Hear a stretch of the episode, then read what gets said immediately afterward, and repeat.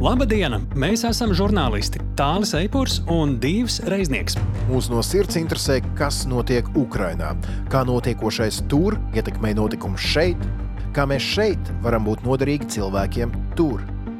Lai labāk izprastu notiekošo, mēs dzeramies pakaļ personīgiem stāstiem, kas iemieso šo eksistenciālo cīņu.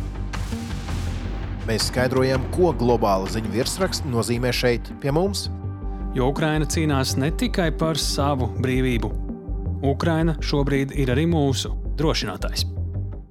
Esiet sveicināti podkāstā drošinātājs 17. epizodē. Šis ieraksts top tieši 25. janvārī, kas ir Ukraiņas prezidenta Valdimira Zelenska dzimšanas diena. Un uh, šajā dzimšanas dienā viņš ir saņēmis arī lielas dāvanas. Esiet sveicināti nedēļā, kad Vācija palaidusi brīvībā leopardus. Nē, nē, mēs, protams, neesam mainījuši šī raidieraksta tematiku, nerunāsim par zvēriņiem. Šoreiz runāsim par tankiem Par tankiem runāsim arī ar Kristīnu Bērziņu. Tāpat plašāk skaidrosim, kādēļ tik daudz runāts tieši par Vācijā ražotiem Leopardu tankiem. Jo ir taču citi tanki pasaulē. Jā, jā, jā.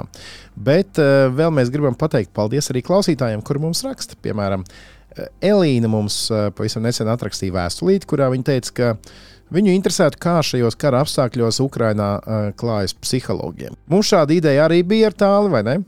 Nu jā, un mēs uh, reāli telepātiski ar mūsu klausītājiem, šajā gadījumā ar Elīnu, tajā pašā laikā arī jau bijām diskutējuši un pat ievadījuši jau sarunas cilvēkiem, kas mums varētu palīdzēt, lai aprunātos ar psihologu, kas strādā ar karavīriem Ukrainā. Tieši tāpēc šonadēļ jau šonadēļ būs uh, saruna ar psihologu Ukrajinā. Mēs uh, runāsim ar Tatjanu Ljubīmovu. Psiholoģijas doktori, psihoanalītiķi, gan par to, ko viņai stāsta, vai lūdzu karavīri, kuri zvana burtiski no pirmajām frontes līnijām, par to, kā ar karu un vēl īpaši ar tā ieilgšanu tiek galā Ukraiņas cilvēki, cilvēki, ar kuriem viņa sarunājas, un, protams, arī personisks stāsts kas uh, faktiski liks uh, visiem klausītājiem dziļi pakalnīties mūsu šīs epizodes intervējumās priekšā, bet to dzirdēsiet arī plašāk sarunā. Jā, šī saruna, tad, kā ierasts drošinātāja otrajā daļā, bet sāksim mēs pieslēdzoties Vācijas Maršala fonda ziemeļu novirzienu vadītājai un drošības politikas pētniecei Kristīnai Bērziņai Vašingtonā. Ar viņu apspriedīsim to, es teiktu, cirku, ko kopš pagājušās nedēļas izspēlēja Vācija. Sākumā sakot, ka nesūtīs Leopardu divu tankus uz uz Ukrajinu. Tad teica, ka sūtīs, bet tikai tad, ja amerikāņi sūtīs savus Ābrāmsus. Un galu galā esam nonākuši pie tā, ka nu jau oficiāli Berlīna paziņojas, ka vismaz 14 leopardus uz Ukrajinu sūtīs pati un neliks šķēršļus tos sūtīt arī citām valstīm. Par šiem dīvainajiem Berlīnas izgājieniem un ko tie būs nodarījuši Vācijas kā uzticamu sabiedrotā tēlam, tad arī sāksim mūsu sarunu ar Kristīnu. Sveiki, Kristīna! Sveiki, Kristīna! Sveiki, sveiki! tu vari mums ieviest kaut kādu skaidrību par aizkulisēm. Kas mums no šī visa ir jāsaprot? Bija asi vārdi. Bilsti starp kanclera padomniekiem un ASV aizsardzības ministra palīgiem. Un bija vairākas dienas bijušas tādas, ka bija sajūta, ka Vācija tiek uzskatīta par mazāk uzticamu sabiedroto un partneri te Vašingtonā. Tāda vilšanās un nepacietība ar kārtējo Vācijas laika tērēšanu un e, nenolemtību bet tagad kaut kas atkal sāk kustēties. Un izskatās, ka no ASV puses būs Abrams tanki, lai gan ir iemesli, piemēram, dēļ degvielas. Uh, Abrams tanki izmanto uh, aviācijas degvielu, ka varbūt nav visizdevīgākais tanks, ko sūtīt uz Ukrajinu, ka leopardi būtu labāki, bet gan Le Abramsus, gan leopardus, gan Vācijas leopardus, gan Polijas, Dānijas, Spānijas leopardus, ka varētu būt būt tagad tas tanku vilnis, par kuru mēs bijām runājuši. Bet eh, šīs nesaskaņas, tām, protams, arī ir cena. Tas, ka Vācija negribēja piekāpties vai rādīt priekšzīmi pārējām Eiropas valstīm, normāli sarunāt kaut ko, kas ir loģisks ar Ameriku. Tas liecina par to, ka attiecībās starp Eiropu un ASV nav viss arī perfekti, kad nepārtraukti ir šīs rīvēšanās. Un pie tā vainīga daudzkārt ir tieši Vācija. Vai Vācija saprot to, ka tai prestižs gan Eiropā, gan ASV krītās? Ka tomēr, ja tu neesi uzticams partneris, tam ir cena. Vai tad Vācija nezaudē iespēju būt tiešām vadošā valsts Eiropā, jo man liekas, ka drošības jautājumos nu, tas, jau, tas jau sen ir pagājis. Šis karš ir parādījis to, ka Vācija nav gatava operatīvi vadīt Eiropas drošības jautājumus. Un tagad jautājums ir, vai Vācijas tauta spēja mainīt savu domāšanu un saprast, ja grib dzīvot pasaulē, kurā valda miers, bet arī cilvēktiesības, tad uh, ir nepieciešams par to samaksāt, ir ieguldīt un dot un piedalīties karā. Konfliktā. Tāpēc, ka sliktais jau nebeigs uzbrukumu tikai tāpēc, ka tev nepatīk, ka viņš uzbruk un tu uzskati, ka karš ir netaisnīgs un morāli nepieņemams. Ar to vien nepietiek. Bet lielai daļai no Vācijas sabiedrības ir uzskats, ka, ja Vācija nepiedalīsies, tad karš nebūs. Nu, varbūt varbūt 40. gados, tūkstoš, no pirms gandrīz simts gadiem, varbūt Eiropas vēsture būtu citādāk izvērsusies, ja Vācija nebūtu iebrukusi kaimiņu valstīs. Bet uh, Krievija tādu mācību vēl nav dabūjusi. Un kamēr visiem tā saprāšana nav, tikmēr ir jāpiedalās. Bet šo ļoti lēnām tikai Vācijas tautā cilvēki izprot. Vai varētu būt tā, ka tajā brīdī, kad Vācijas eh, tauta sapratīs, eh, kā uz viņiem skatās eh, citvieta Eiropā, it īpaši uz austrumiem no Vācijas, ka tā būs savu lomu zaudējusi? Vai arī šis Vācijas ekonomiskais spēks tās status Eiropā neapdraud? Man liekas, ka Vācijai būs grūti saprast, ka tam ir sakas, kamēr ekonomiski to nejūt būs jācīnās ar to ekonomisko labklājību. Un, un iepriekšējo saprāšanu, ka ar ekonomiskām attiecībām var, iz, var risināt ģeopolitiskos strīdus un nu, uzspirkt apmēram savus ienaidniekus tā, lai tie neuzbrūk un neko sliktu nedara. Skaidrs, nu labi, tā vairāk nav ne Krievija, ne, ne Ķīna tā neuzvedās. Nu, tad kā var Vācija tagad pielāgoties jaunajai realitātei? un to augstākajās aprindās cenšas darīt, bet e, tādā tautas līmenī nu, paies laiciņš. Labi, pie Vācijas mēs pilnīgi noteikti atgriezīsimies arī citās nedēļās. Es šobrīd gribēju parunāt par Igauniem, jo viņi aizgājušajā nedēļā nāca klajā ar solījumu atdot visas savas haubītas Ukrainai. Man ir tāds provokatīvs jautājums, vai tas uzliek kaut kādu spiedienu Latvijai? Nu, vismaz uh, šeit Latvijā dzīvojot, ir pilnīgi skaidra mūžsanā sacensība latviešu galvās. Mums vienmēr patīk mērīties ar igauniem lēšiem. Kā tas ir, ja mēs skatāmies uz tādas starptautiskās skatuves? Nav jāskatās tikai uz starptautiskās skatuves. Pirmkārt, ir ārkārtīgi svarīgi tas, ka Baltijas valstis visas un, un Austrumēropas valstis ir ārkārtīgi daudz devušas un atbalstījušas Ukraiņai. Tas ir burvīgi, un tā arī ir jāturpina. Bet nav jāpaskatās uz kaimiņu valstu un jāsaka, ka viņi darīja tieši tā, un tāpēc mums tieši to pašu ir jādara. Šajā gadījumā varbūt tas ir tas, ko Vācija grib darīt attiecībā uz ASV, bet arī, kā jau mēs esam runājuši par ātrabiem un, un leopardiem, tas varbūt nav gudri. Katrai valstī ir savas spējas un savas vajadzības. Latvijas valdībai ir atbildība nodrošināt Latvijas aizsardzību, drošību. Un tāpēc Latvijai pašai ir jānosaka, ko tā var dot un ko nevar dot konkrētajā minūtē. Igaunijai varbūt ir cits lēmums, tāpēc ka Igaunija ir cita valsts ar citu situāciju. Pirmā vietā jāpasargā Latviju. Un jānodrošina Latvijas drošība, jo jau mācība no Ukrainas ir tā, ka pirmā vietā pašiem ir jārūpējas par sevi. Nevajag tā skatīties, viņi deva trīs, un tāpēc mums jādod trīs no kaut kā. Ja, tad ir, ir jāatbalsta, cik vien var.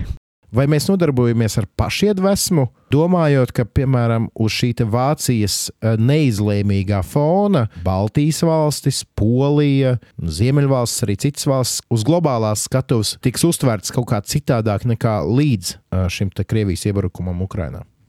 tiek uzskatītas citādāk. Pavisam noteikti Ziemeļvalstis, Baltijas valstis, Polija tiek uztvērtas īpaši citādāk. Teikšu, īpaši saprāšana par Poliju ir ārkārtīgi mainījusies, jo līdz karam bija ļoti milzīgas bažas par Polijas valdības. E, sarežģīto pieeju dažādām uh, cilvēktiesību, juridisko tiesību, preses brīvību un uh, citu ar, ar tiesībām saistītiem jautājumiem. Nu, problēmām un, un tieši ļoti, ļoti notiesāja uh, Poliju, bet tagad Polija ir pirmā vietā uh, visādos jautājumos attiecībā uz Ukrajinu, un tāpēc par Poliju ir pavisam cits priekšstats šobrīd. Bet tagad, protams, Baltija tiek ļoti slavēta. Un tur nav, nav noteicošas haubicas vai nehaubicas. Tur ir visa pieeja un tieši visa sabiedrības pieeja atbalstīt Ukrainu. Tas tiek ārkārtīgi novērtēts, un ar to ceļās, ceļās Baltijas profils starptautiskajā skatuvē. Un tas ir ļoti, ļoti labi. Labi, Ziemeļvalsts būs trešā mūsu šīs reizes tēma. Konkrētāk, Zviedrijas un Somijas centieni iestāties NATO. Kuriem šobrīd uh, kāju priekšā liek Turcija, kas jau ir NATO dalība valsts, un eh, tātad ir jābūt Turcijas akceptam, lai Zviedrija un Somija oficiāli kļūtu par NATO sastāvdaļu. Kādi ir pēdējie jaunumi un uh, kas ir svarīgākais šajā ziņā? Pēdējā laikā Zviedrija ir apvainojusi Turciju. Vismaz Turcijā tāds priekšstats. Zviedrija pieļāva protestu kurā Dānijas tālās labējās partijas politiķi sadedzināja Kurānu islāma reliģijai svarīgāko tekstu pie Turcijas vēstniecības Zviedrijā. Tagad ir iesaldētas sarunas starp Ziemeļvalstīm un Turciju attiecībā uz iestāšanos NATO. Par to pavisam nelaimīga arī ir Somija, tāpēc ka Somija ir eh, dviņu māsa Zviedrijai šajā jautājumā, bet Somija tādu šmucu sev nav savārījusi. Tad jautājums ir izskanējis pat no Somijas prezidenta, vai varbūt Somijai nevajadzētu vienai pašai iestāties bez Zviedrijas, bet ātri atkal teica, nē, nē, nē mēs iesim kopā. Un tad tur tur paliek sarežģītāk, tāpēc ka protesti pret Turciju uh, tagad uh, paliek izplatīti Zviedrijā. Bet Zviedrijai ir nepieciešams Turcijas atbalsts, lai iestātos NATO. Un e, uz ātru atrisinājumu laikam nedabūsim šajā, šajā situācijā. Un izskatās, ka paliek arvien sliktāk. Un tad, kad Somijai tiešām būs jādomā, vai tā negribētu kaut kā pati, tāpēc ka garā robeža ir nevis Zviedrijai, bet Somijai. Un sagatavotība arī Somijai ir nopietnāka, draudz nopietnāks, sakārtotība labāka. Un tālūk arī ir sarežģītāka situācija nekā bija iepriekš tāda arī ir Krievijas spēle. Jo ilgāks karš, jo mazāk varbūt spējīgi būs rietumi kopā smuki sadzīvot. Un, tāpēc arī ir svarīgi ātrāk palīdzēt Ukrainai uzvarēt, lai varētu atkal normālāk turpināt dzīvi Eiropā. Un pašā noslēgumā ekspresa jautājums no manas puses. Kā tu definētu, kas šajā visā Krievijas-Ukrainas karā ir Turcija? Turcija ir liela valsts šajā visā spēlē. Un bieži vien Eiropā par Turciju nedomā kā par lielu valsti. Bet uh, Turcijas strateģiskā loma ir tik liela, ka ar to ir jārēķinās tāpat kā ar uh, Vāciju, vai Franciju, vai Lielbritāniju. Un Turcija šobrīd parāda visiem, ka tā nav mazsvarīga vai otrā plāna valsts tā nu tas ir. Un to izrāda varbūt nesmuki. Un ekonomiskajos jautājumos, piemēram, protams, Turcija ir ne tikai dilstoša, bet brūkoša valsts. Bet strateģiskajos jautājumos, aizsardzības drošības jautājumos, tā tomēr ir liela valsts. Un tāpēc Turcija ir gudra un visiem nepieciešama, bet ārkārtīgi sarežģīta liela valsts. Arī par Turciju es esmu pilnīgi pārliecināts. Mēs vēl runāsim nākamajās nedēļās, bet šobrīd es teikšu liels paldies Kristīnai Bērzņiem Vašingtonā. Un tiekamies pēc nedēļas. Tiekamies pēc nedēļas. Paldies! Paldies! Paldies, Dīva! Paldies Kristīnai Bērziņai no Vašingtonas. Kā mēs redzam, nekas nav tik vienkārši. Un uh, pat burtiski šīs sarunas laikā jaunumi turpināja pienākt, kas to tikai apliecina. Jā, nu tā tad principā jaunākā ziņas vēsta par to, ka šo protestu, kurā tika sadedzināts Korāns, apmaksājis ir um, bijušais Russia Today stringers. Ak, vai? Eh, tā teikt, žurnālists, kurš laiku pa laikam ziņoja šim kanālam, Čanks Friks. Viņš teica, nē, nē, mums nav īsti bijusi nekāda mm, nodoma dedzināt Korānu, un mēs vispār ne pret Turciju, bet par kurdiem. Nu, katrā ziņā skaidrs, ka uh, NATO paplašināšanās novilcināšana spēlē tikai vienai pusē par labu. Proti, skaidrs, ka Kremlis nekad nav slēpis, ka viņu neapmierina NATO paplašināšanās. Nu jā, un es varu pielikt klāt atkal vienu informāciju, kas eh, visu padara vēl interesantāku, ja ne sarežģītāku. Nu, piemēram, Somija ir atļāvusi savas aizsardzības nozares eksportu uz Turciju burtiski šajās dienās. O, oh, pilnīgi nesaistīta ziņa, vai ne? Tur ir tāds no, nopietns stāsts, jo 12,000 tonnas ar bruņām sūtījis uz Turciju. Un, eh, tas interesantākais ir tas, ka aizsardzības eksports no Somijas uz Turciju ir bijis ierobežots vai liekts no 19. gada. Pavisam nesen. Es domāju, ka teiks, teiks 19. gadsimta. Nē, 19. Eh, gads, kas ir vēl interesantāk, tas uzņēmums, kurš eksportē šīs bruņas uz Turciju, pirms kāda laika ir nokļuvis Turku pensiju fonda īpašumā. Tā kā eh, tās saites no vienas valsts uz otru, un kas to visu sarežģīja, man liekas, mēs vienkārši dzīvojam pārāk šaurā pasaulē, ka vienā brīdī vajadzēs eh, kaut ko restartēt šeit, lai vispār kaut kas darbotos. Pasaka, ka Covid vēl bija eh, globālais plāns samazināt cilvēku skaitu uz planētas Zemi. Labi, bet ne, ne par to mēs šajā podkāstā. Šajā podkāstā mēs par uh, Ukrajinu un, un militārām lietām un drošības lietām. Un man šķiet, ka ir īstais brīdis nedaudz, nedaudz plašāk izstāstīt par šiem leopardiem, kas ir, man liekas, it sevišķi pēdējās nedēļas laikā tik ļoti daudzināti visādās ziņās. Kāpēc tieši leopardi ir tādā uzmanības centrā? To varbūt daudzi ir jautājuši, jo nu, mēs esam redzējuši ne tādus vien tankus pasaulē, amerikāņi, spāņi un briti. Nē, visi klubi virsū Vācijai. Nu jā, nu tā tad kas ir tā vislielākā pievilcība šiem tankiem? Tie ir moderni tanki, viss normāli rietumu tanki, kas pēc savas būtības ir galvasties pārāk par Krievijas uh, un Ukrainas armijas uh, tankiem. Lielākā pievilcība tieši leopardiem ir tas, ka tie ir visizplatītākie tanki visā Eiropā. Viņi ir uh, 14 valstu armijās. Kopā apmēram cik to leopardu? 1800 apmēram. Plus vēl tādi, kas ir teikt, iekonservēti, bet tādi, kas varētu uh, rītdien izbraukt laukā no armijas daļas, uh, tādi ir uh, 1780 ar kapekām es saskaitīju. Bet tas skaidrs, ka uh, visus šos tankus uh, neviens nekad neatdos, jo katrai valstī vajag, protams, pašai savai aizsardzībai kaut kādu bāzi. Protams, ka visi visus neatdos. Piemēram, kam tur Čehiem laikam bija tieši viens leopards. Kā, ja viņi, Viņam ļoti viegli atdot 100%. Jā, bet, bet saprot, tā problēma visu laiku, kāpēc arī par tiem Vāciju uh, tik daudz satraucās. Piemēram, ja es kā Vācija esmu tev kā Norvēģijai pārdevis 36 leopardu tankus, Tātad Norvēģijai reāli ir 36 tanki. Viņi ir teikuši, 8 mēs esam gatavi dot Ukrainai.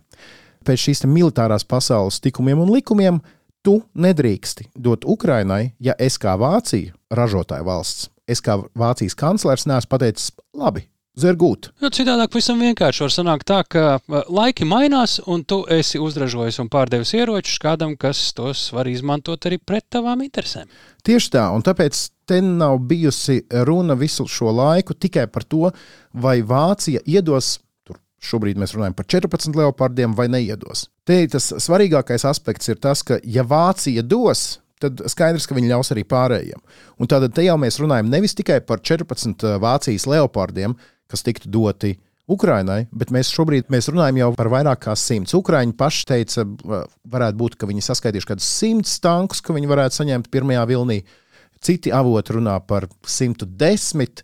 Bet tas katrā gadījumā ļauj plānot vai tos pašus 100 vai 110 vai drusku vēlāk arī vairāk. Nē, nu skaties, um, Zalužņīs, tas, kurš ir uh, Ukraiņas armijas uh, galvenais militārais Un cilvēks, tikko noziedoja miljonu. Jā, ne, ne leopardu naudu, kur viņš to saņēmis mantojumu no Amerikas. Nu, ļoti interesants stāsts, bet ne par to šobrīd. Tātad Zalužņīs pirms kāda laika teica, ka uh, viņi, lai veiksmīgi varētu veikt uzbrukuma manevrus, viņam vajadzētu 300 tankus. Tā kā simts nav tas, ko Ukraina ir prasījusi, bet simts ir krietni, krietni, krietni vairāk nekā nulle kas viņiem ir bijušas līdz šim. Te ir ļoti svarīgi pieminēt arī uh, Britus, kuri ir iedevuši savus tankus Challenger. Viņi bija kā pirmie, kuriem nebija jāgaida uz Vāciju, nebija jāgaida ne uz vienu, viņi, tie ir viņu ražot tanki. Bet tur ar Britiem kaut kas bija tāds, kāpēc tas ir vairāk simboliski Jā. nekā reāli palīdzība. Jā, un te mēs arī nonāksim līdz amerikāņu Abramsiem. Jā. Kāpēc? Um, tāpēc, ka uh, 14 Challengeri tas ir brīnišķīgi bet tanki kara apstākļos mēdz lūst. Tas nav tā kā tu nopērci mašīnu un brauc. Tev ir uzreiz papildus teikt, svīta apkalpojošā vajadzīga. Un 14 eh, Challenger tanki. Viņi arī ir vissmagākie no visiem.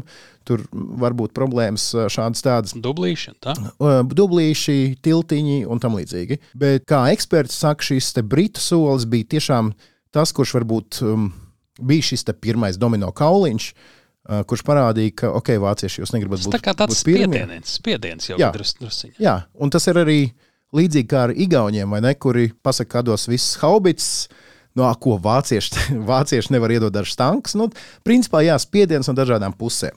Un nevar, protams, noliekt, ka Vācija ir devusi daudz ko šajā laikā, šī gandrīz gada laikā, ir daudz devusi. Nav tā, ka viņi neko nedod, bet vienmēr tas nāk caur tādām zobu sāpēm, kas izraisa daudz, daudz jautājumus.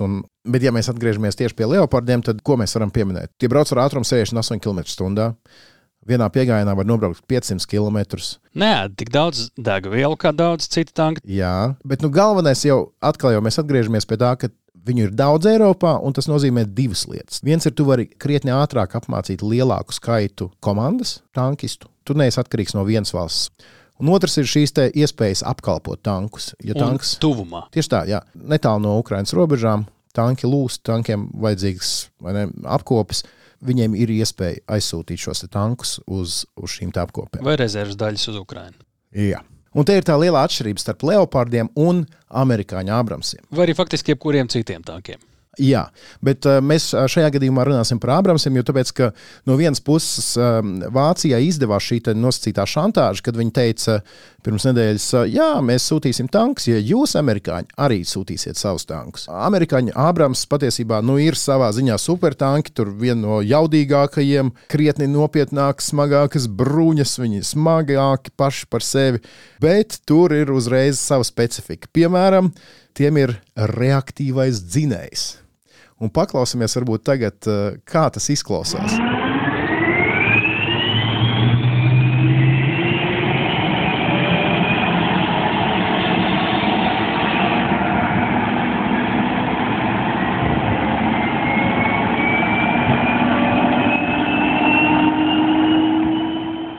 principā pēc skaņas gluži kā tāda lidmašīna. Tā arī ir, kā arī Kristīna pieminēja, eh, tiek izmantota avio degviela, kas rada atkal jau loģistikas problēmas, ka tev vajag citādāk degvielu nekā pārējiem tankiem. Un daudz lielākos daudzumos, kā tiem pašiem leopardiem. Tieši tā, un savukārt eh, tas karstums ir tik nežēlīgi liels, ko rada šī degviela. Ka tu kā kainieks nevari aiz šādu tanku iet. Šie Abrams arī, ja viņi nav izplatīti Eiropā vispār, eh, poļiem viņi ir nopirkti, bet uh, apkalpojošā infrastruktūra tiek tikai pabeigta. Tā kā nav līdz galam šī Abrams polijā izmantojama. Nu, jā, un visa šī informācija, kā jau militārā informācija, ir uh, saraustīta un dažkārt pretrunīga, jo neviens negrib līdz galam runāt uh, atklātu valodu, un tas arī nav vajadzīgs vienmēr. Runā, ka šie Abrams vispār Ukrainā varētu nonākt pēc gada. Savukārt Leopardi, principā, tie ir nu, cik nedēļu jautājumu. Es tā saprotu. Vismaz no dažām nu, pāris mēnešiem tur ir jābūt, protams. Jā, nu, jo ir arī tie, tie paši ukrāņi vēl jāapmāca. To mēs arī redz, nezinām. Cik daudz poļi ir apmācījuši, piemēram, uh, ukrāņus uh, ar saviem leopardu tankiem? Tu, mēs vispār ļoti daudz ko, es domāju, joprojām nezinām un uzzināsim krietni pēc laika, jo man liekas, ka daļa no visas, tā skaitā arī Vācijas retorikas un it kā neveiklajiem izteikumiem varētu būt, es pieņemu, ka daļa varētu būt vienkārši miglas pušana Krievijas acīs. Absolūti, un es domāju, it sevišķi arī, arī ņemot vērā šos solījumus un, un solījumu atsaukšanu un tā tālāk, ka šis ir tas gadījums, kad mēs ticēsim, tad, kad mēs redzēsim kaujas mašīnas, kaujas laukā. Un iespējams redzēsim jau kaut kādos pārsteiguma brīžos, jo nu, diez vai būtu prātīgi pateikt Krieviem, jā, mums tagad ir tanki, vedam pāri robežai, noliksim tur un šausim no turienes un pa turieni. Nu, tā nebūs. Vēl tikai pēdējā detaļa, kas man šķiet ļoti interesanta, ka Ukraina Vācijai Leopardus uh, pirmo reizi prasīja pagājušā gada 3. martā. Tad pagāja 329 dienas. Uz pirmo pieprasījumu vācieši pateica, abi ar niht, niht, bet mēs jums varam iedot 5000 ķiveres. Lūk, mēs gandrīz gadu laikā esam nonākuši no 5000 ķiveriem līdz um, desmitiem leopardu. Tā kā turēsim īkšķus, jo kamēr rietumi lemj, tikmēr karavīri krīt. Un šīs dienas uh, ierakstā dienā ir kritusi arī solidāra. Bet tas, ko es gribēju teikt, ka valstī turpinās galīgs trakums, bet tad es klausījos interviju, ko tūlīt dzirdēsiet arī jūs. Nu, jā, tas tev iedod tādu realitātes bliezienu pa galvu, atkal saprast, atgādināt, kas tur tiešām Ukrainā notiek. Es šādi lēnām piesaku interviju, kuru dzirdēsiet jūs, un tās nedaudz pasāstīs vairāk. Tagad. Ja tā ir saruna ar psiholoģiju, psiholoģijas doktori, psihoanalītiķi Tatjanu Ljubīmovu. Un, jāsaka tā, mēs viņu, protams, pirms tam paši nepazinām. Atradām cilvēku, kurš strādā ar karavīriem Ukrainā. Un intervijas laikā man sarunājoties ar Tatjanu, ik pa laikam, es nezinu, kā pieklājīgāk pateikt, atkārās žoklis, acis ieplitās, es noelsos. Kā viens cilvēks var tik mierīgi stāstīt tās lietas, kuras patiesībā ir nenormāli smagas un traģiskas, un es tajā visā sarunā jūtu tādu, ka viņa šajā cīņā psiholoģiski ir uzvarējusi. Vienkārši dara savu darāmo. Un stāsta mums to, ko mēs dzirdēsim. Tāli, tāpēc viņa ir psihologs, un tu neesi psihologs. Jā. Nu, ko, nu, klausīsimies profesionāļus, kuri gan atzīst, ka arī profesionāļi ir cilvēki. Bet uh, pirms tam es gribēju tik atgādināt, ka, kā vienmēr, jūs šīs intervijas, kuras mēs veicam ne latviešu valodā, varat dzirdēt divos variantos. Vai nu tulkots latviešu, vai arī dzirdēt oriģinālu valodā. Starp citu, mūsu klausītājs Juris nesen atrakstīja ieteikumu jau nosaukumā norādīt, kādā valodā konkrēti būs šī intervija, jo nu, nevienmēr visiem ir zināmas visas valodas. Visas oriģināla valodas. Jā, tā kā mēs nodosim tālāk mūsu kolēģiem šo informāciju, un šajā reizē es tikai varu pateikt, ka intervija būs krievu valodā. Tad klausāmies Tatjana Ljubīmova, psiholoģe, psihoanalītiķe no Ukrainas. Raidieraksts drošinātājs. Labdien! Доброго дня! Labdien! Izstāstiet, lūdzu, kas ir tas, ar ko jūs tieši nodarbojaties? Я psihoterapeits, psihoanalītiski orientēts terapeits. Esmu uz psihoanalītiku orientēts psihoterapeits. Esmu psiholoģijas doktore. Līdz karam biju vienkārša psihoterapeite, kas strādāja ar cilvēku ciešanām, taču, diemžēl, karš mums visiem licis kļūt par krīzes psihologiem. Ja konkrētāk, tad šobrīd strādāju ar karavīriem un cilvēkiem, kuri Ukrainā cietuši no kara darbības. Pati šobrīd atrodos Kīvā, psiholoģijas centrā un pieņemu cilvēkus kā klātienē, tā arī neklātienē. В моем психологическом центре и принимаю людей онлайн и офлайн. Pat svētdienās, zinot, ka šīs sarunas ieraksts notiek tieši svētdienā. Pat svētdienā mums šobrīd nav brīvdienu. Kādas bija jūsu pirmās domas vai emocijas tajā brīdī, kad sapratāt, ir sācies īsts, visaptvarošs iebrukums? Вы знаете, когда все началось, на минутку я забыла, что я психолог. Я вспомнила о том, что я человек. Ziniet, kad viss sākās, uz mirkli aizmirsu, ka esmu psiholoģe. Atcerējos, ka pirmām kārtām tomēr esmu cilvēks. Tāpat kā pārējiem, arī man karš sākās piecos no rīta. Mani uzmodināja sprādzienu troksnis. Tad saņēmu zvanu no mana psiholoģijas centra administratoras, kura klausulē iekliedza: Taņa, karš! Es tik atbildēju, tu traka? Kāds karš? Tas ir kā Freids rakstīja Einsteinam, karš, kuram negribējām ticēt. Neviens no mums, Ukrāņiem, neticēja, ka Krievija jebkad iebruks Ukrainā, taču tā notika. Kad piecos no rīta izgāju uz balkona, ieraudzīju, kā virs manas mājas lido raķetes.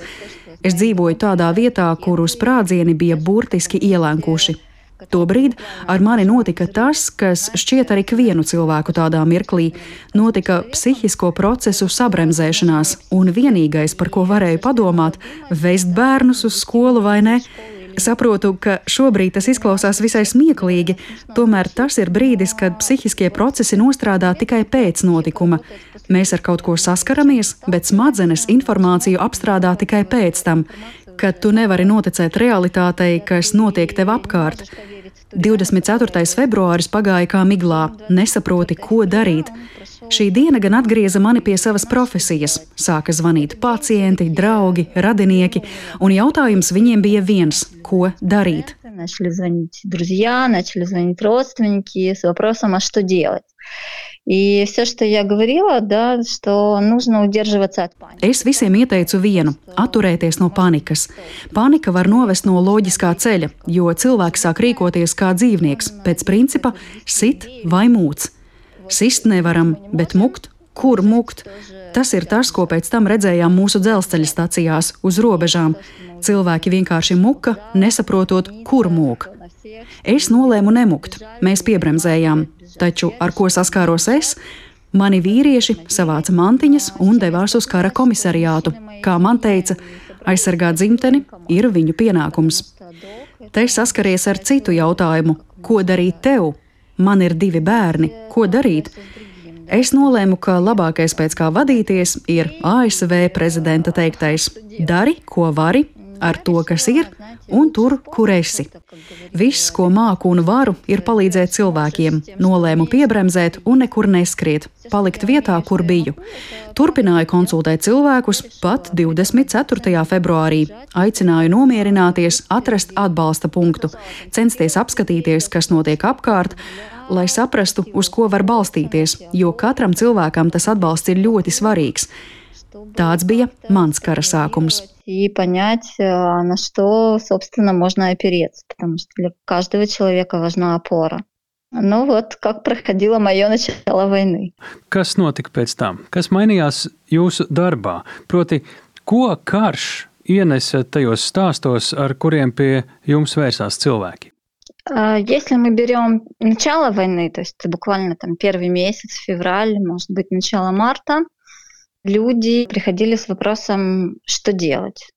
Ja runājam par kara sākumu, februāri, marta sākumu, cilvēki nāca ar jautājumu, ko darīt, kā izturēt.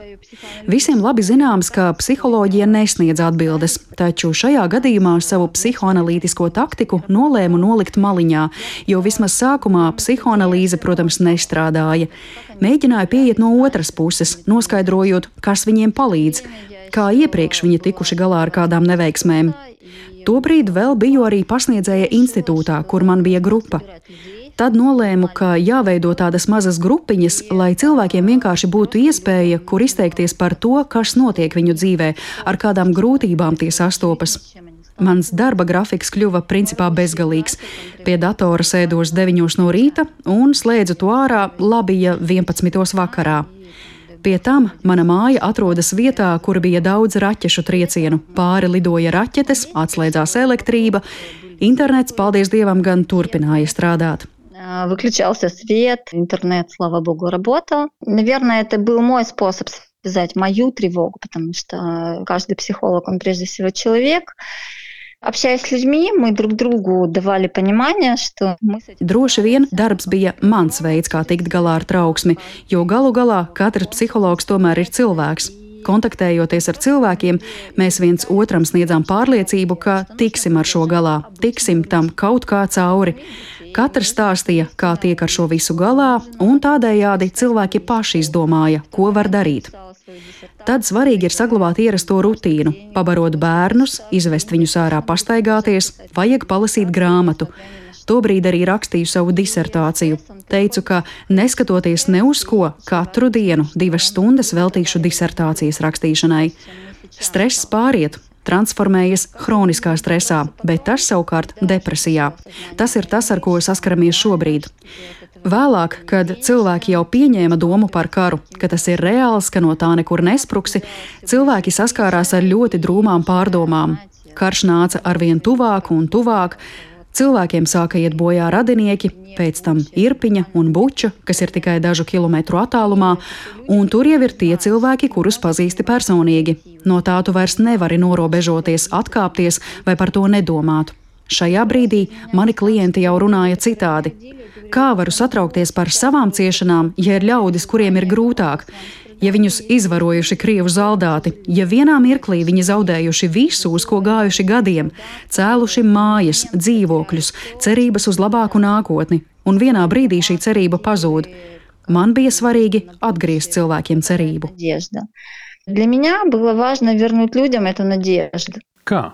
Nu, вот так, что война закончится, что у нас есть поддержка. Nu tā, karš beigsies, mums ir Eiropas atbalsts, vēl aizvien ir finansiālais atbalsts, mēs neesam vieni paši, visa pasaule par mums zina, atbalsta mūs, ka karš agri vai vēlu beigsies. Jebkurš karš beidzas ar uzvaru, un uzvara, protams, būs mūsu. Aicināju cilvēkus paskatīties apkārt, lai saprastu, ko viņi var izdarīt konkrēti šobrīd, ar to, kas viņiem ir, kur viņi var būt noderīgi, kā viņi var mazināt savu iekšējo trauksmi. Jo viss, kas tādā brīdī ir vajadzīgs, tas ir tikt vaļā no trauksmes, burtiski savākt sevi rokās un nesabrukt pa gabaliņiem. Jā, diemžēl bija cilvēki, kam vajadzēja medikamentus, jo tas atkarīgs no katra konkrētā gadījuma, cik viena cilvēka psihe var izturēt. Katram ir savas robežas. Vieniem tās ir daudz mazākas nekā citiem. У каждого есть свой предел. У некоторых этот предел не такой широкий, как у других. Pamēģināsim salikt pa plauktiņiem to, ko karš nodara ar cilvēka mentālo veselību. Ko jūs redzat tagad, kad karš ir ilgs jau gandrīz gadu? Да, конечно, у нас уже у коллег есть э, свое видение этого всего. Э, с чем мы сталкиваемся? Это с депрессиями, Причем с такими, знаете, kliniskими проявлениями депрессии. Jā, mums ar kolēģiem jau radies skaidrs redzējums par šo. Saskaramies ar depresijām. Pie tam depresijas klīniskām izpausmēm, kad vajadzīga psihiatru palīdzība un, diemžēl, medikamentoza ārstēšana. Ja runājam konkrēti par karavīriem, tad saskaramies ar posttraumatiskā stresa sindromu. Un jāsaka, ka ar karavīriem situācija ir daudz sliktāka, jo jebkurš militārists uzskata, ka palīdzība viņam nav vajadzīga, ka viņš ir pietiekoši spēcīgs. Te jāsaprot, ko uzskatām par normālu cilvēku. Viņam piemīt augsta adaptācijas spēja. Tas vienlaikus ir gan labi, gan slikti, jo adaptēties cilvēks spējīgs pilnīgi pie visa. Bet kas ir adaptācija? Nosacīti varētu teikt samierināšanās. Nu tā ir, tad es darbošos atbilstoši esošajiem apstākļiem. Tas ir tāds kā upurēšanās mehānisms, taču skaidrs, ka, lai izdzīvotu, psihē jāspēj adaptēties. Ar ko mēs saskaramies šobrīd? Mēs adaptējamies piemēram lidojošajām raķetēm. Mums saka, pretgaisa aizsardzības sistēma tās šauj nost. Mēs nodomājam, ok, saspringums pāriet, turpinām darīt savas lietas. Bet tad atlido jau citas raķetes, kuras pretgaisa aizsardzības sistēma vairs nespēja notriekt. Mums atkal jāpielāgojas jaunajiem apstākļiem, ka mums ar to atkal kaut kas jādara. Kara sākumā visi ticēja, ka divu sienu princips bombardēšanu laikā mūs izglābs, bet ziņās redzam, ka vairs neglābi. Tagad, pēc pēdējiem notikumiem Dņipro, kad izrādījās, ka ir dažas raķetes, kuras pretgaisa aizsardzības sistēma nespēja notriekt, cilvēkiem tas ir šoks.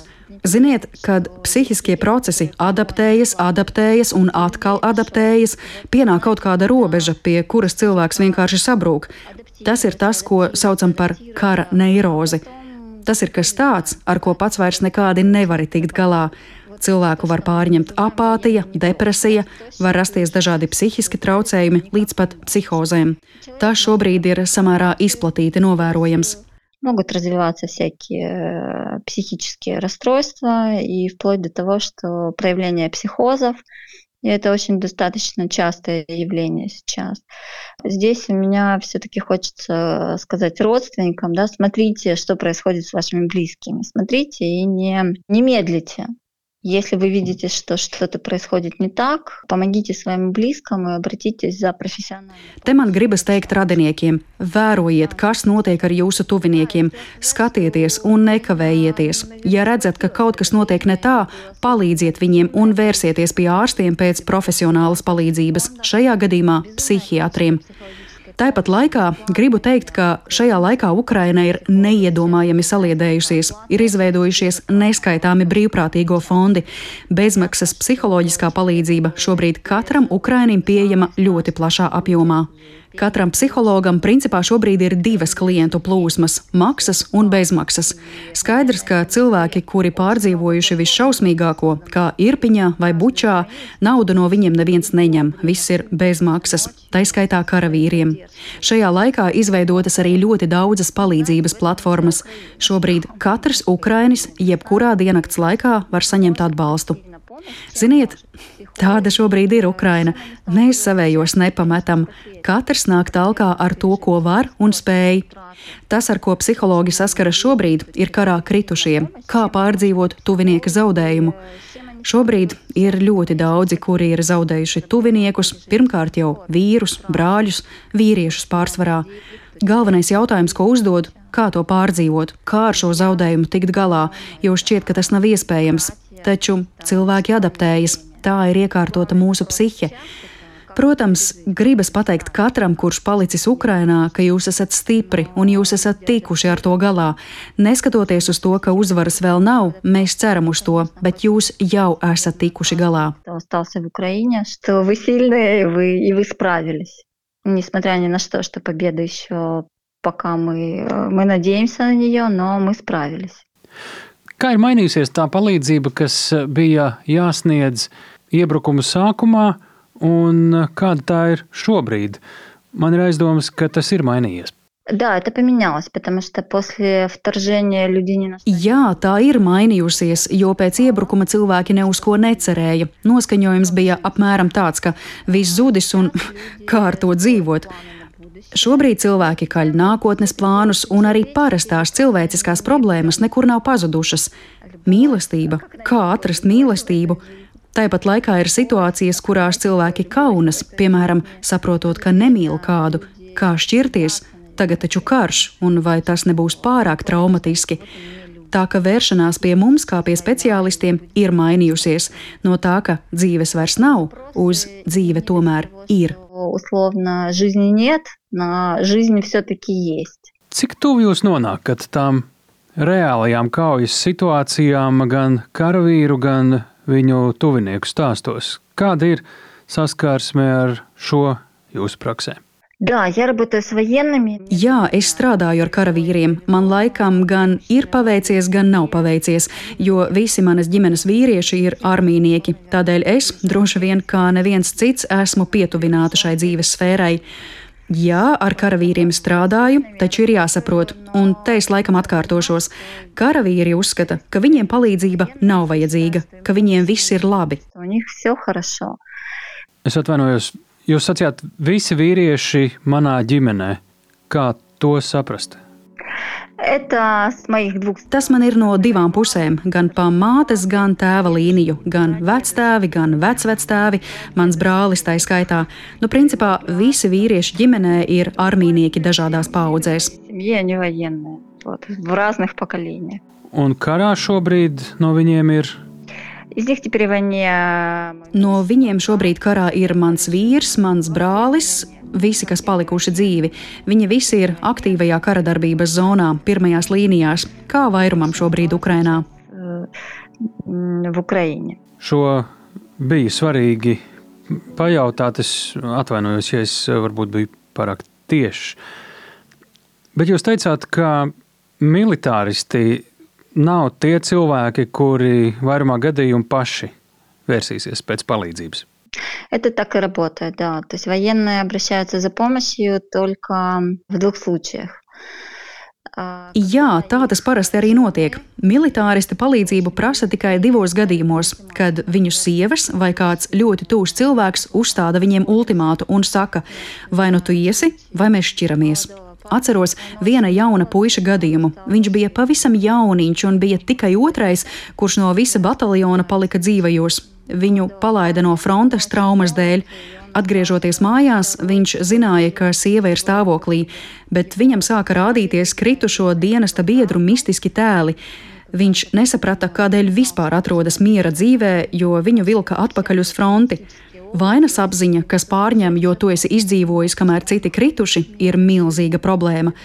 Var iedomāties, kā ir, ja tu no visa bataljona esi bezmaz vai vienīgais, kurš izdzīvojis, un viņš nezina, kā ar to tikt galā.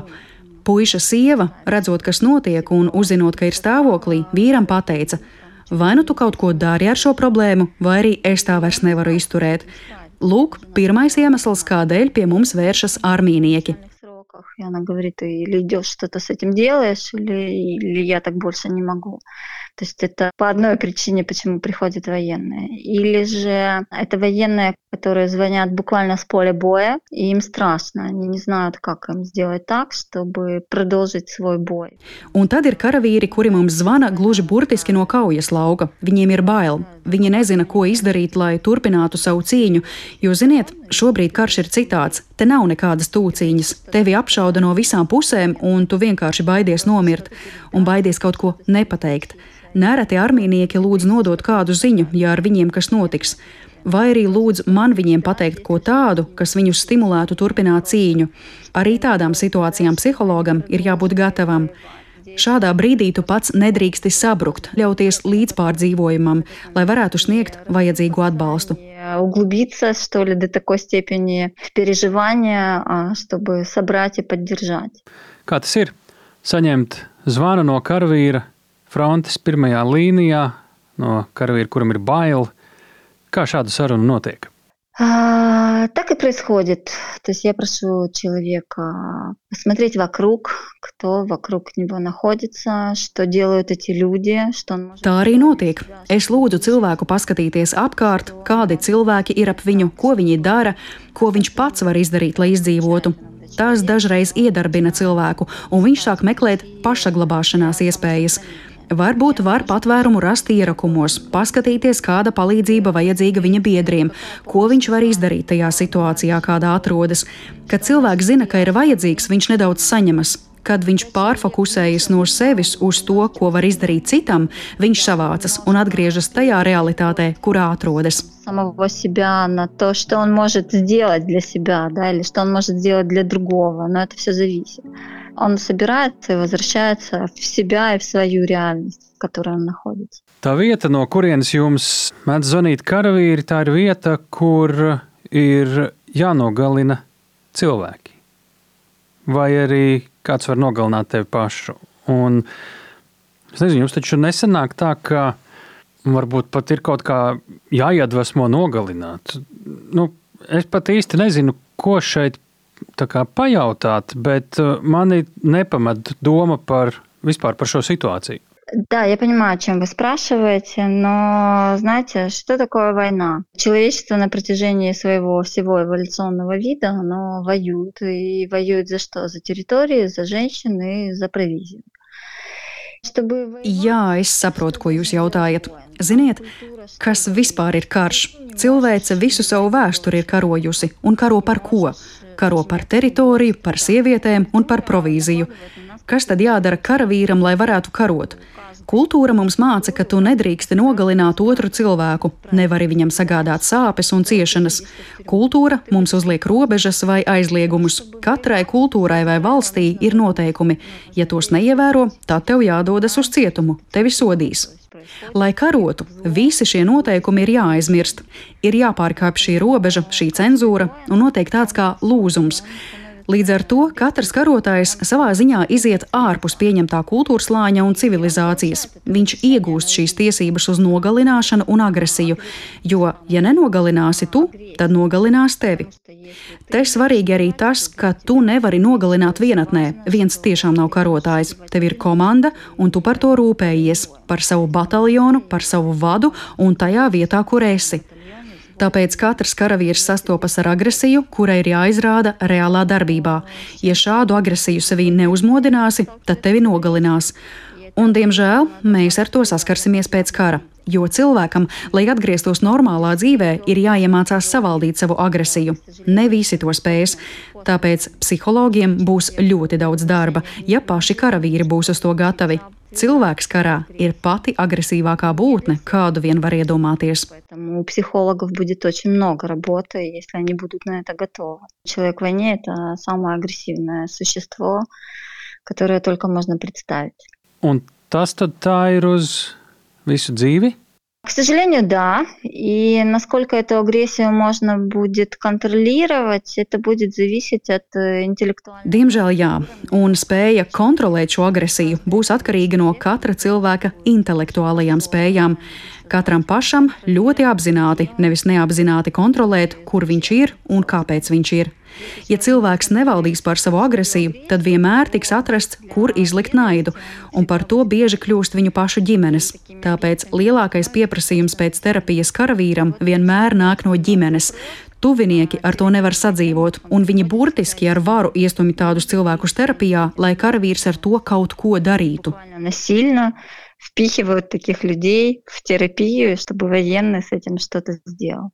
Ja mēs vēl pakavējamies frontes tūmā, tur gan jau ne tikai ir zvani no tiem, kuri ir pirmajās līnijās un apšaudēs.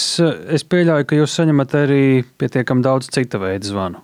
Да, отдельные запросы – это те, кто были ранены и лежат в госпитале.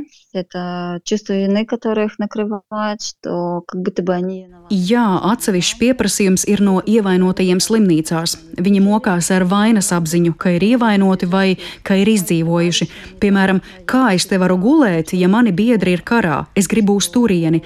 Cilvēkam ir trauksme, ka viņš ir vairāk vai mazāk drošībā. Tāpat ir grūtības tiem, kuru vienības ir izformētas, un kāds no biedriem palicis, kāds devies uz pirmajām līnijām, proti, ko man darīt, lai arī es tur nokļūtu. Es negribu te sēdēt un rakstīt papīrus. Tāpat jautā, Kas būs, ja es aizbraukšu, vai sieva neaizies pie cita? Ko darīt, lai viņa paliktu ar mani? Ir ļoti dažādi.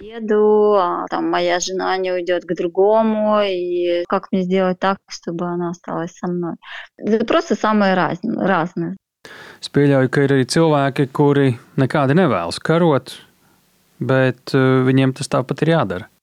Да, знаете, здесь нужно, конечно, делать э, градацию. Есть военные профессиональные или кадровые офицеры, которые сами делают свой выбор. Jā, bet te ir dažādas situācijas. Ir profesionālie karavīri, kuri paši to ir izvēlējušies un dodas uz fronti, bet mums ir arī mobilizācija, un tev ir pienākums pret tēvzemi. Ir cilvēki, kuri tam nekādi nav gatavi. Viņi burtiski var nonākt psihozes stāvoklī. Tad tas ir jau psihiatru un tādu slimnīcu darbs. Ir cilvēki, kuri baidās. Tad tur jāiesaistās komandieriem, lai šos cilvēkus neliktu aktīvā kara darbībā, kur jānogalina citus. Tie ir cilvēki, kuri nav gatavi pārkāpt robežu un atteikties no cilvēcības un kļūt par mežoni un saglabāt aizliegumu nenogalināt citus. И оставаться культурным человеком и сохранять свой запрет на не убивать других. Un kā jūs palīdzat cilvēkiem šādos gadījumos? Знаете, но здесь важно любому психологу все-таки сохранять свою этику психологическую. Психологическая этика, она говорит, что мы идем вслед за субъектом, то есть вслед за человеком. У нас нет такой задачи педагогической, что ли, воспитать или перевоспитать. Ikvienam psihologam ir svarīgi saglabāt savu ētiku. Tā liek sekot cilvēkam. Mums nav pienākums kādu pedagoģiski audzināt vai pāraudzināt. Tas ir komandieru vai kapelānu darbs. Mēs darām tikai to, ko vēlas pats cilvēks. Ja cilvēks saka, es negribu karot un nogalināt, mēs jautājam, bet ko jūs ar to varat iesākt? Vai jūs to varat kaut kā likt saprast savam komandierim, vai varbūt darīt kaut ko, kur jūs varat būt noderīgs? Dažreiz cilvēkiem ir bail pateikt, ko viņi vēlas, baidās izskatīties bailīgi. Te cilvēkam jādod iespēja apzināties, ka viņš ir tāds, kāds viņš ir. Nav jāizliekas par varoni vai par to, kas nesat. Bet iesaukšanas punktā, kur ir liels konvejers un kur kāds atnāk ne aiz brīvas gribas, ir ļoti grūti to izvērtēt. Tur viss atkarīgs no komandiera, pie kā viņš nokļūs. Komandieri tomēr ir pietiekami gudri un saprot. Ziniet, te jāsaka, ka Ukrainas armija no Krievijas armijas atšķiras ar to, ka mēs tomēr rūpējamies par cilvēka dzīvību. Un cik es zinu, tādus cilvēkus nekad neliks aktīvā kara darbībā. Viņiem mēģina atrast ko tādu, kur viņi var būt noderīgi un savā vietā. Jā, viņi ir karavīri, bet dara to, ko spēj darīt. Что таких людей никогда не поставят в активные боевые действия. Пытаются им найти что-то такое, где они могут быть полезны на своем месте. Да, они военные, они считаются военными, но им выбирается та работа, которую они могут делать. Kā karavīrs var palīdzēt pats sev? Kā nenoiet no ceļa cilvēkam, kurš dodas reāli karot? Знаете, тут мне хочется вернуться к опыту Второй мировой войны. Я провела очень много исследований, и более эффективно человек тот, у которого есть... э, Šeit es gribētu atgriezties pie otrā pasaules kara pieredzes. Esmu to daudz pētījusi. Daudz efektīvāks ir tas cilvēks, kuram dzīvē ir pozitīvi priekšstati vai pozitīvi atbalsta punkti. Šādi cilvēki var atcerēties kaut ko labu. Viņiem ir svarīgi zināt, ka mājās viņus kāds gaida. Mīļotā sieviete, māte, māsa vai brālis, vienalga kas, bet kāds tūs cilvēks. Tādiem cilvēkiem ir vienkāršāk no kolektīvā radīt individuālo. Viņi dodas kaujā un iztēlojas, ka karo par kādu konkrēti, jo visi tas ir neviens. Viņi vienalga karo par kādu, par saviem tuvajiem. Ir arī cita kategorija, kuriem nav ko zaudēt. Tie ir bezbailīgi cilvēki, viņiem nav bail nomirt. Un tomēr gribas, lai karā saglabātos tā cerība uz dzīvību, ka ir iemesls, kura dēļ atgriezties un turpināt dzīvot. Tieši tāpēc cilvēkam karā ir ļoti svarīgi, ja ir šīs pozitīvās piesaistes, ankuri, pie kā pieķerties, un kuru dēļ viņi vienmēr izvēlēsies dzīvi, nevis nāvi. Svarīgi ir apzināties, ka katram, kurš bijis aktīvajā kara darbībā, ļoti svarīgi ir viņa tuvinieki. Tieši tuviniekiem ir ļoti rūpīgi jāvēro to, kurš ir atgriezies no pirmajām līnijām. Tikai viņi var novērtēt viņa stāvokli, salīdzināt ar to, kā bija agrāk, un saprast, vai kaut kas nav kārtībā. Ja kaut kas dara uzmanīgus, tad izvēle jāizdara šo karavīru vietā. Tomēr ir jāvēršas pie profesionāļiem, kas spēs palīdzēt šim cilvēkam. Diemžēl ir daudz pašnāvību gadījumu tieši starp karavīriem, kas bijuši frontē. To ir ļoti svarīgi piebilst. Которые смогут помочь их близкому человеку. Потому что так как войны не новы, то, к сожалению, очень большое количество суицидов происходит у военных, прошедших военные действия. Вот хочется сейчас это сказать. Es zinu, ka psihoanalītiķi, psihoterapeiti, psihologi viņi paši nemaz nedrīkst strādāt, ja viņi regulāri neapmeklē tādu pašu speciālistu un uh, neuztur sevi kārtībā. Lūk, šis laiks jums personīgi un arī kolēģiem, ko tas nozīmē? Manuprāt, tā ir katastrofa. Visi tie stāsti, kuri jums sevi ir jāpārstrādā. Да, это правда. Знаете, это то, что стало почти шуткой в мирной жизни, что у каждого психолога есть свой психолог, но сейчас это очень важно. Jā, tā ir. Ja miera laikā mēs jokojām, ka katram psihologam vajag psihologu, tad šobrīd tas ir ļoti svarīgi. Katram psihologam, kurš šobrīd strādā Ukrajinā, ir jābūt savam psihologam, ir jābūt vietai, kur viņš var izteikties par savām trauksmēm, pārdzīvojumiem, jo psihologs pats visu pirms ir cilvēks ar savu ģimeni un pienākumiem un vajadzībām. Tas ir ļoti svarīgi. Tāpēc vispirms ir svarīgi uzturēt savu psihisko vai mentālo veselību, lai varētu palīdzēt un atbalstīt citus cilvēkus. Šobrīd ir daudz profesionālu apvienību, kur tas viss tiek apspriests. Man, protams, ir savs psihoanalītiķis, kuru es ļoti regulāri apmeklēju. Viņš arī man šādi norāda uz simptomiem, kam man būtu jāpievērš uzmanība. есть мой психоаналитик, конечно, к которому я хожу очень регулярно, который иногда мне указывает, на что мне следует обратить внимание при всем том. Nu, kas jūs pašu kā cilvēku tad satrauc laikā, kad eh, jums jāstrādā ar ļoti daudziem problemātiskiem stāstiem? Наверное, как, э, знаете, большинство там женщин, имеющих детей, да, что будет с детьми, как дальше. Ну хорошо, вот победа будет, да, мы не сомневаемся в ней, но с чем мы столкнемся? Ну, разрушенная страна, образование, знаете, энтузиасты, они его вытягивают. Laikam jau kā vairumam sieviešu, kam ir bērni, ir svarīgi, kā tālāk būs ar bērniem. Labi, mēs nešaubāmies, ka uzvarēsim, bet kas būs pēc tam? Sagrauta valsts, izglītības sistēmas līmenis turas uz entuziastiem, bet kāda ir nākotne tādai valstī? Šeit ar to saskaras ik viens. Es tomēr esmu savas zemes patriote. Es ticu savai un valsts nākotnē. Tikai tādi cilvēki, kuri tic, varēs valsti izglābt un atjaunot. Lai cilvēks spētu funkcionēt, viņam vajag plānus, mērķus, cerību. Esot šeit, Ukrainā, mēs ticējām, ka karš pavisam drīz beigsies, un tā daudzi arī turpina ticēt. Bet tagad, kad tas turpina ievilkties, daudziem rodas trauksme. Kā tālāk dzīvot? Katram ir plāni, bet tagad es saskaros ar to, ka jābūt arī plānam B. Labi, esmu izvēlējusies palikt valstī, bet vai man ir tiesības šādu lēmumu pieņemt arī par saviem bērniem? Viņi jau ir pietiekami pieauguši un var paši izvēlēties. Un man ir prieks, ka viņi izvēlas par labu Ukrainai, lai arī visiem ir iespējams izbraukt un būvēt nākotni kādā citā valstī. Man rūp tas, vai es saviem bērniem neuzspiežu savu izvēli, Mana lielā sāpe ir manu bērnu nākotne. Выехать и построить свое будущее в какой-то другой стране.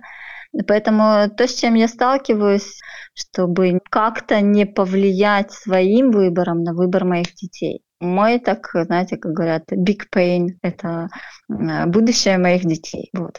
Un tagad mazliet citas sievietes jautājums. Latvijā mēs karu Ukrainā redzam caur turienes personībām. Daudz klausās dažādus Aristovičus, Zelenska runas, ministrus. Viņi mūsu klausītājiem ir faktiski karas kartās Ukraiņas sejas. Un tepat vēl pirms dažām dienām redzējām Zelenska apmeklējam kārtējās bēres. Un, lūk, kāda ir tā atbildības nasta, kas ir jānes šādiem cilvēkiem? Viņi ar saviem lēmumiem reāli izšķir vai var izšķirt ļoti daudzu cilvēku dzīves un dzīvības. Знаете, если мы говорим про Зеленского, то это человек, который достоин моего восхищения на самом деле. Потому что, ну вот вы поймите профиль этого человека. У него все было. То есть он достаточно был известным медийной личностью, Ja runājam tieši par Zelenski, tad es viņu apbrīnoju. Te jāsaprot viņa personības profils. Viņam viss bija. Viņš bija slavena mediju personība. Naudas un nekā cita netrūka. Ņem, izmanto un priecājies par dzīvi. Bet, um, ieskatoties acīs, kas kā dvēseles spogulis nekad nemelo, redzams, ka Zelenskim neklājas viegli. Viņš saprot, ka viņa kļūda var nozīmēt daudzas dzīvības. Viņam ir ļoti sarežģīts laiks.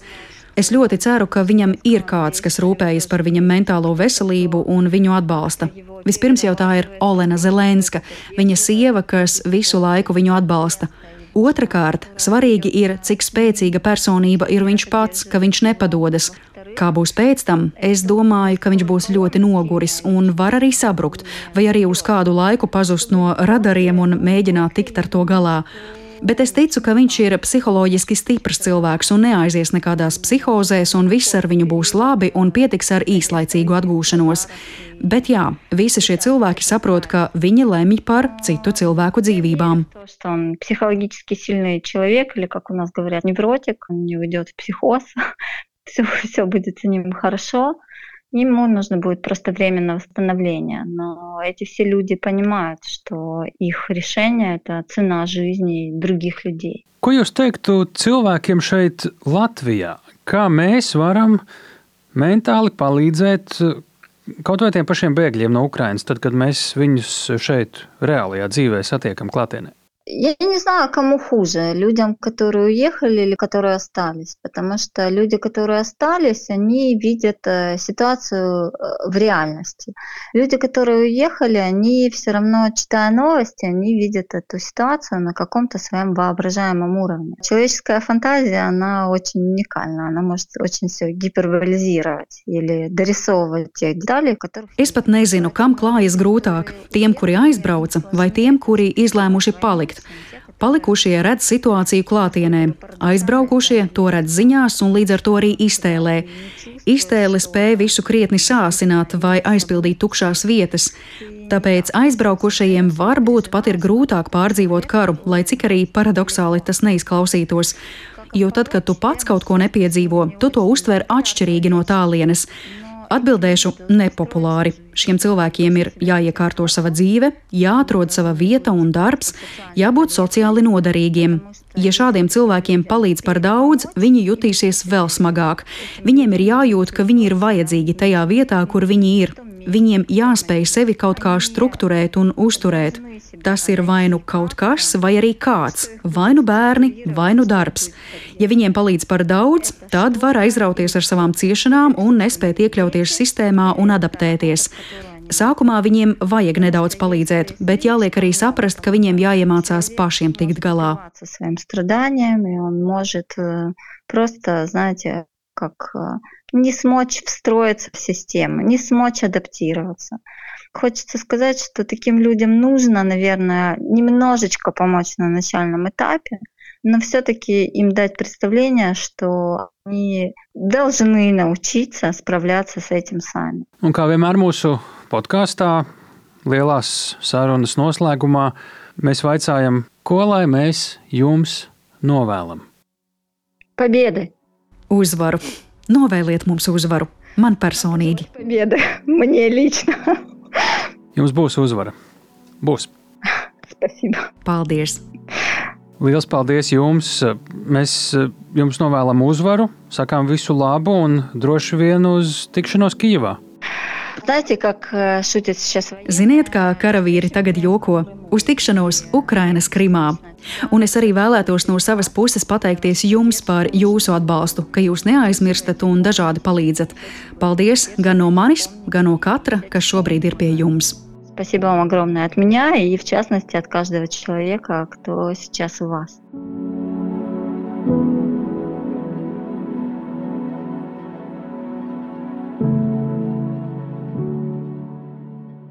Wow! Paldies, Tāli! Tas bija Tāls Eipurs un Tatjana Ljubīmova. Man vienkārši viens pēc otra tāda galvā sprādziena par to, ko es dzirdēju. Dažas lietas, par ko tu tiešām negribi domāt, un dažas lietas, kur tev vienkārši atklāsme nāk. Es negribu nevienam tagad likt galvā kaut kādus secinājumus, bet tas, kas man šķita ļoti interesanti, kā cilvēkam, kurš nav bijis karā, ka tiešām tu visu dzīvi esi mācīts nenogalināt, nenodarīt pāri un tam līdzīgi. Un tad nonāk situācijā, kad, ja tu nē, tad tevi nu, tur, jā, nu, tur jāpielāgojas tajā situācijai. Tā.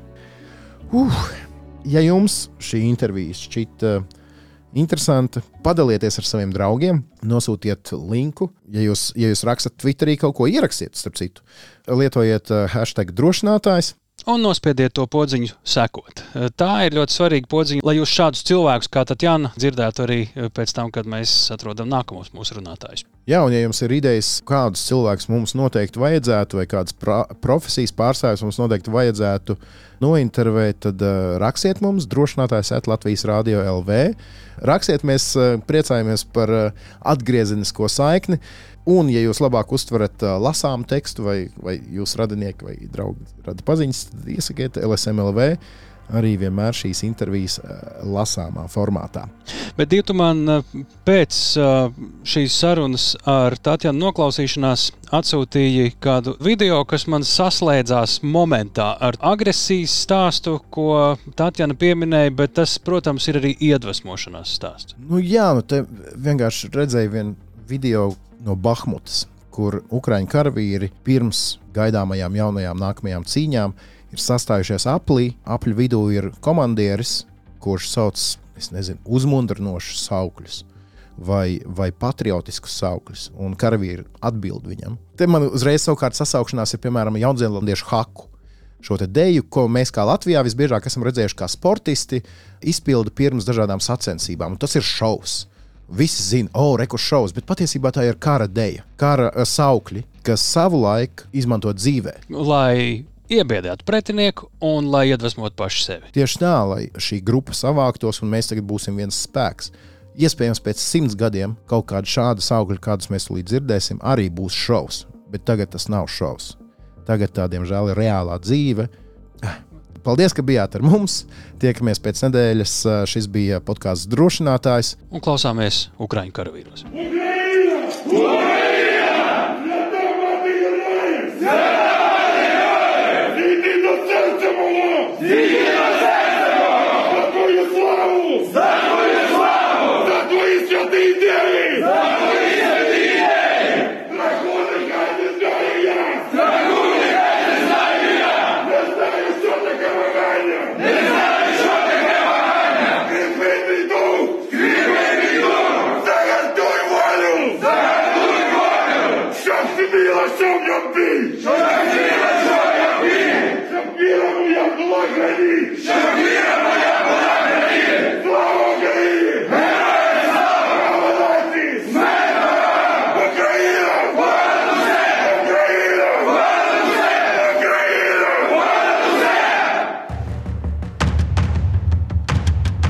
Raidieraksts drošinātājs.